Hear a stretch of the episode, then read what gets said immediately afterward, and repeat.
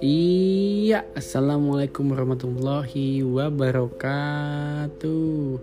Ketemu lagi dengan saya Dika di podcast Dika with Nahu.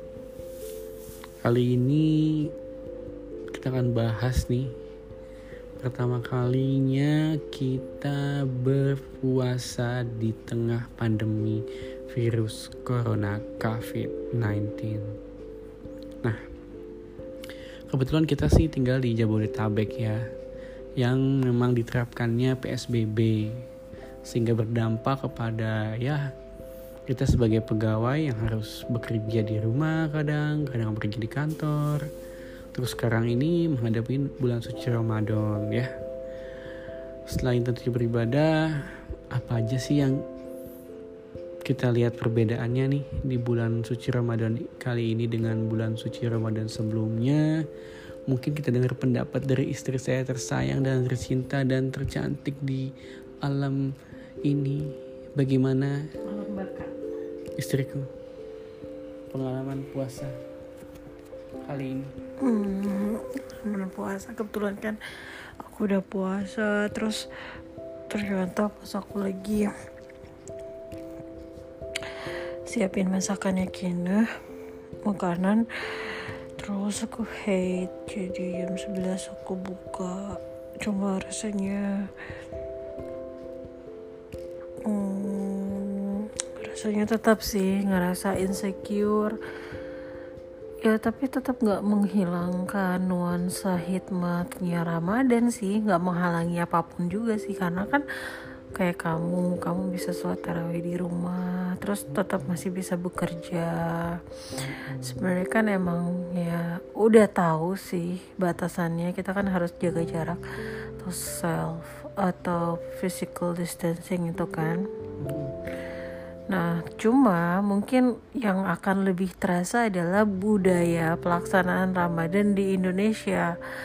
Karena kan kalau misalnya di Ramadan itu di Indonesia punya tempat yang spesial ya sendiri hmm. gitu. Jadi kita tuh kalau kayak celebrate itu dengan penuh tradisi. Ya kayak tradisi banyak lah. Kayak di kantor aja kita sering buka bersama. Kayak gak cuma di kantor sih pasti ada aja kan buka temen -temen. puasa angkatan buka puasa SMA kuliah gitu ya hmm, kayak gitu. Ya tradisinya itu loh. Dan ya dirasainnya gak cuma di Indonesia kan di seluruh dunia. Mungkin mereka juga di dunia belahan bumi lain yang merayakan Ramadan punya tradisi sendiri dan mungkin gak akan bisa dirasain untuk tahun ini. Mm-hmm. gitu sih. Tapi tetap ya ibadahnya tetap. Malah sebenarnya kalau pandemi kayak gini dan kita masih stay di rumah nggak banyak mudarat keluar keluar itu lebih bagus kan kita bisa jadi ibadahnya ada makin rules. bagus ya oke ya jadi nggak ada banyak hal-hal yang mesti dilakuin ya di rumah gitu kan hmm, jadi ya. ibadahnya makin fokus ya kayak ini kamu nggak aneh atau kamu pernah menuliskan atau ada kata tuh bahwa belum tentu kita bisa ketemu Ramadan berikutnya gitu kan hmm. tahun depan ini tuh benar-benar momen yang menggambarkan itu gitu hmm. karena pandemik ini tuh mengingatkan kita bahwa kematian tuh amat dekat gitu hmm. kapan pun Allah mau ya emang covid itu tidak sama dengan meninggal enggak cuman adalah gimana caranya virus sekecil itu yang tidak kelihatan oleh manusia bisa membuat kepanikan kayak gini gitu padahal ya meninggal itu kan pasti gitu loh. Yang panik adalah gimana caranya kita nggak mempersiapkan diri kita sebelum meninggal. Ya banyak-banyak berbuat baik. Selain beribadah terus kita juga harus ya baik sama sesama lah hmm. makanya aku mau minta maaf nih sama papi kalau aku udah salah hmm, sama -sama atau sama orang-orang yang pernah tersakiti hatinya sama aku sama -sama. sengaja maupun tidak disadari ataupun tidak minta maaf dari lubuk hati aku yang paling dalam Ya sama-sama Yami sama-sama minta maaf juga jika ada kesalahan. Semoga bulan puasa kali ini kita bisa menjadi pribadi yang lebih baik lagi. Amin Yami. Amin memang terasa banget ya pandemi COVID-19 ini. Jadi uh, itu juga saya baru tadi eh, nelfon klien gitu ya bahwa klien itu memang banyak juga klien-klien yang sekarang lagi dirumahkan. Dirumahkan dalam arti dia tidak digaji tapi tidak di PHK kami tapi uh, uh, jadi kondisinya seperti itu itu mengakibatkan beberapa hal sehingga mungkin dia tidak bisa membayar cicilan KPR cicilan cicilan yang sudah ada gitu. Makanya saya langsung sedih juga uh, dengernya gitu. Tapi ya ini memang harus dinikmati dan sampai dia mau jual motornya untuk bisa hidup uh, dia ekspektasinya sebulan dua bulan ini selesai. Dan itu saya aminkan mudah-mudahan karena kita kita pun juga merasa terdampak maupun kita sebagai pegawai tetap digaji tetap saja ini berimpact kepada berbagai macam hal gitu jadi ya kita sangat berdoa mudah-mudahan dengan kekuatan doa di bulan suci Ramadan ini semua orang berdoa semua orang khusyuk.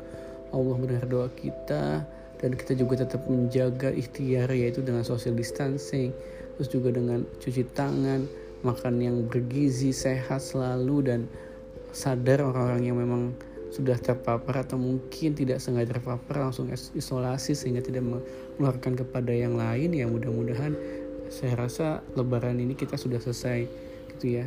Mudah-mudahan amin ya Allah. Itu ekspektasi saya dan iya. semoga jadi bisnis semua bisa lancar lagi orang bisa makan dengan tenang makan dengan Jadi bahagia. kamu bisa baca nggak di CNBC kenapa tuh? Yang KFC sampai kolaps 450 450 orang dirumahkan terus hmm. dia menutup eh, bukan ya saya selalu kadang pagi-pagi karena dekat kantor tuh adanya KFC ya Cepaka Putih jadinya aku kadang suka sebelum sampai kantor beli risernya dulu. Sarapannya apa gitu ya? Mudah-mudahan tidak banyak yang di PHK lah ya. Wow, dari bagian-bagian. Sedih sih. Ya karena sedih emang banget. dampaknya ke di semua sektor ya. Mm-hmm. apa sih pak menurut kamu yang nggak terlalu selain PNS maksudnya ada sektor bisnis yang menurut kamu survive di kondisi oh, dari sisi, selain kesehatan oh, ya? oh iya sehat sehat kalau sebenarnya kondisi survive ya daily daily needs ya. Daily needs itu sebenarnya lebih survive tapi pasti Enggak kalau misalnya daya jual daya belinya masyarakat itu enggak nggak bisa gimana? Nah itu dia masalahnya kan da, maksud kamu mungkin bagaimana dengan uh, kan sudah ada barang-barangnya ada tapi orang tidak bisa beli karena tidak ada dananya gitu kan?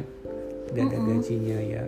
Sejauh ini memang yang masih mampu beli justru akan uh, apa meningkatkan uh, daya belinya itu daya beli secara umum. Hmm. nah kalau bisnis secara bisnis daily needs itu contohnya banyak yang suka nimbun makanan kita lihat supermarket itu lebih ramai gitu. Padahal kalau minggu-minggu biasa kan ya biasa-biasa aja ya. Kita tadi Superindo jadi ramai seperti itu.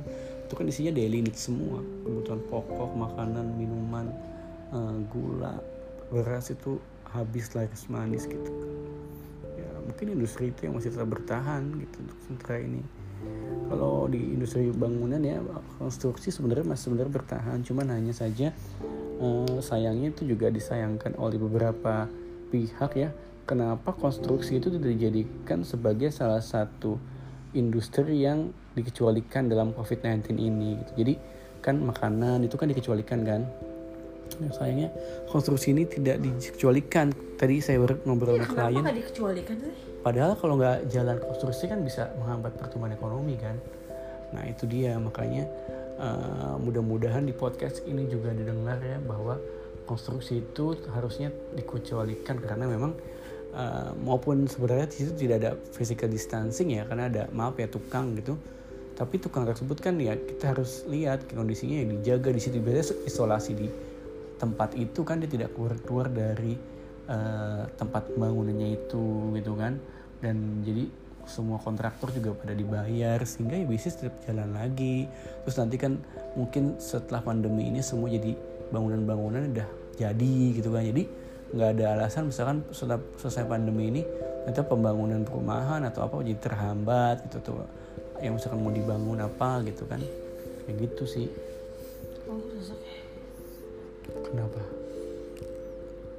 Lagi dapet. Hmm, jadi sedih banget juga ya. Mungkin mami sedih juga kali ya Ramadan ini kayak begini kondisinya. Tadi ayah juga alhamdulillah udah teraweh. Uh, sambil sih pak, nggak sedih. Apa? Maksudnya bukan nggak sedih apa? ya ramadan tetap yang ramadan aku sedihnya kalau nggak bisa sholat id Mm-mm, sih ya sholat tarawih kan bisa di rumah Mm-mm. Maksudnya itu tidak akan eh, mungkin akan berbeda suasananya. Cuma kan tidak akan mengurangi sedikit pun Hmm, ya, hikmah mudah-mudahan, dari insya Allah. ramadan itu Mm-mm, betul. Cuma yang bikin sedih yang bikin dalam pikiran aku adalah ya sholat itu dan memang selain tradisi ramadan itu kan kita juga ada tradisi orang pulang ke kampung halaman ya what- whatsoever lah. Mau dibilang kampung pulang kampung mudik kayak mudik, pulang kampung kayak pulang Ya, basamo pulang Basamung pulang kampung. Gitu. Tau gak pulang kampung. Aku nggak ngerti bahasa Ambon pak. Iya. Cuman emang ada beberapa orang Ambon yang eh, udah sejak Maret mereka pulang. Hmm. ya itu. tinggal di rumah mereka di Ambon yang dekat pantai. Hmm. jadi kayak private physical distancing banget. Dan emang tuh bener-bener menurut aku adalah sesuatu cara sesuatu cara physical distancing yang sangat efektif karena kan kita bisa baca buku yang banyak kayak gitu. Mm-mm, di ditambah tengah pantai gitu bisa lagi ini ya menambah nggak stres kayak di Jakarta begini. Ya kita bisa juga sih di liburan di rumah cobain masakan baru. Walaupun ya enak atau enggak nggak tahu ya mudah-mudahan aja semua semua segera berakhir lah sehingga happy ending insya Allah Sumbang ngelakuin banyak hal ya. iya. Apa lagi pak? Ya jadi eh, eh tapi pulang perbankan kantor jadi cepet. Sektor Sektor perbankan sejauh ini sih tidak ada ini jadi mungkin juga pesan buat teman-teman semua yang denger jadi nggak usah khawatir di bank mana pun ada LPS dengan maks minimal 2 miliar eh ma- maksimal 2 miliar tuh dijamin selama suku bunganya juga sesuai dengan LPS jadi teman-teman semua nggak usah khawatir jangan rush maupun itu bank kecil bank besar sama aja yang penting ketentuannya sama semua di LPS jadi aman jangan sampai gara-gara pandemi ini ada bank kecil yang kolaps atau bank besar malah amit-amit gitu. Jadi ya perbankan ya as saja gitu biasa karena semua bayaran bisa dilakukan eh, ibaratnya bisnis transaksi bisa dilakukan nggak ada hambatan sih. Bank semua juga mungkin tutup tapi bisa menggunakan e-channel e-banking menurut gitu. kamu mungkin gak nanti ke depannya bakal terus WFH tuh memungkinkan nggak untuk karyawan bankan maupun PNS kan sebenarnya kita bisa deh kerja dari rumah. Bisa. kecuali emang frontline ya orang-orang yang bisa. frontline itu. Bisa deh. Oh, rata-rata di industri yang sekarang lagi hits itu apa namanya fintech fintech atau mungkin uh, startup. startup ya itu udah rata-rata banyak juga yang kerja dari rumah sih. Yang penting dia ada laptop ada internet ada email beres semua kerja. Ya bener. Mm-mm. Dan bagaimana kita bisa mengelola waktu itu penting banget sih. Ya begitulah sepenggal kisah Ramadan hari pertama saat pandemi corona ini mudah-mudahan segera berakhir. Saya berdoa banget pas lebaran tuh udah selesai gitu maupun itu hal yang sulit tapi nggak ada salahnya kita berharap. Tentunya dengan ikhtiar ya ikhtiar yang tadi. Lakukan hal yang sudah disampaikan pemerintah tadi tuh Mi ya Mi. Jadi sekian nih Mi podcast kita kali ini. Ya Mi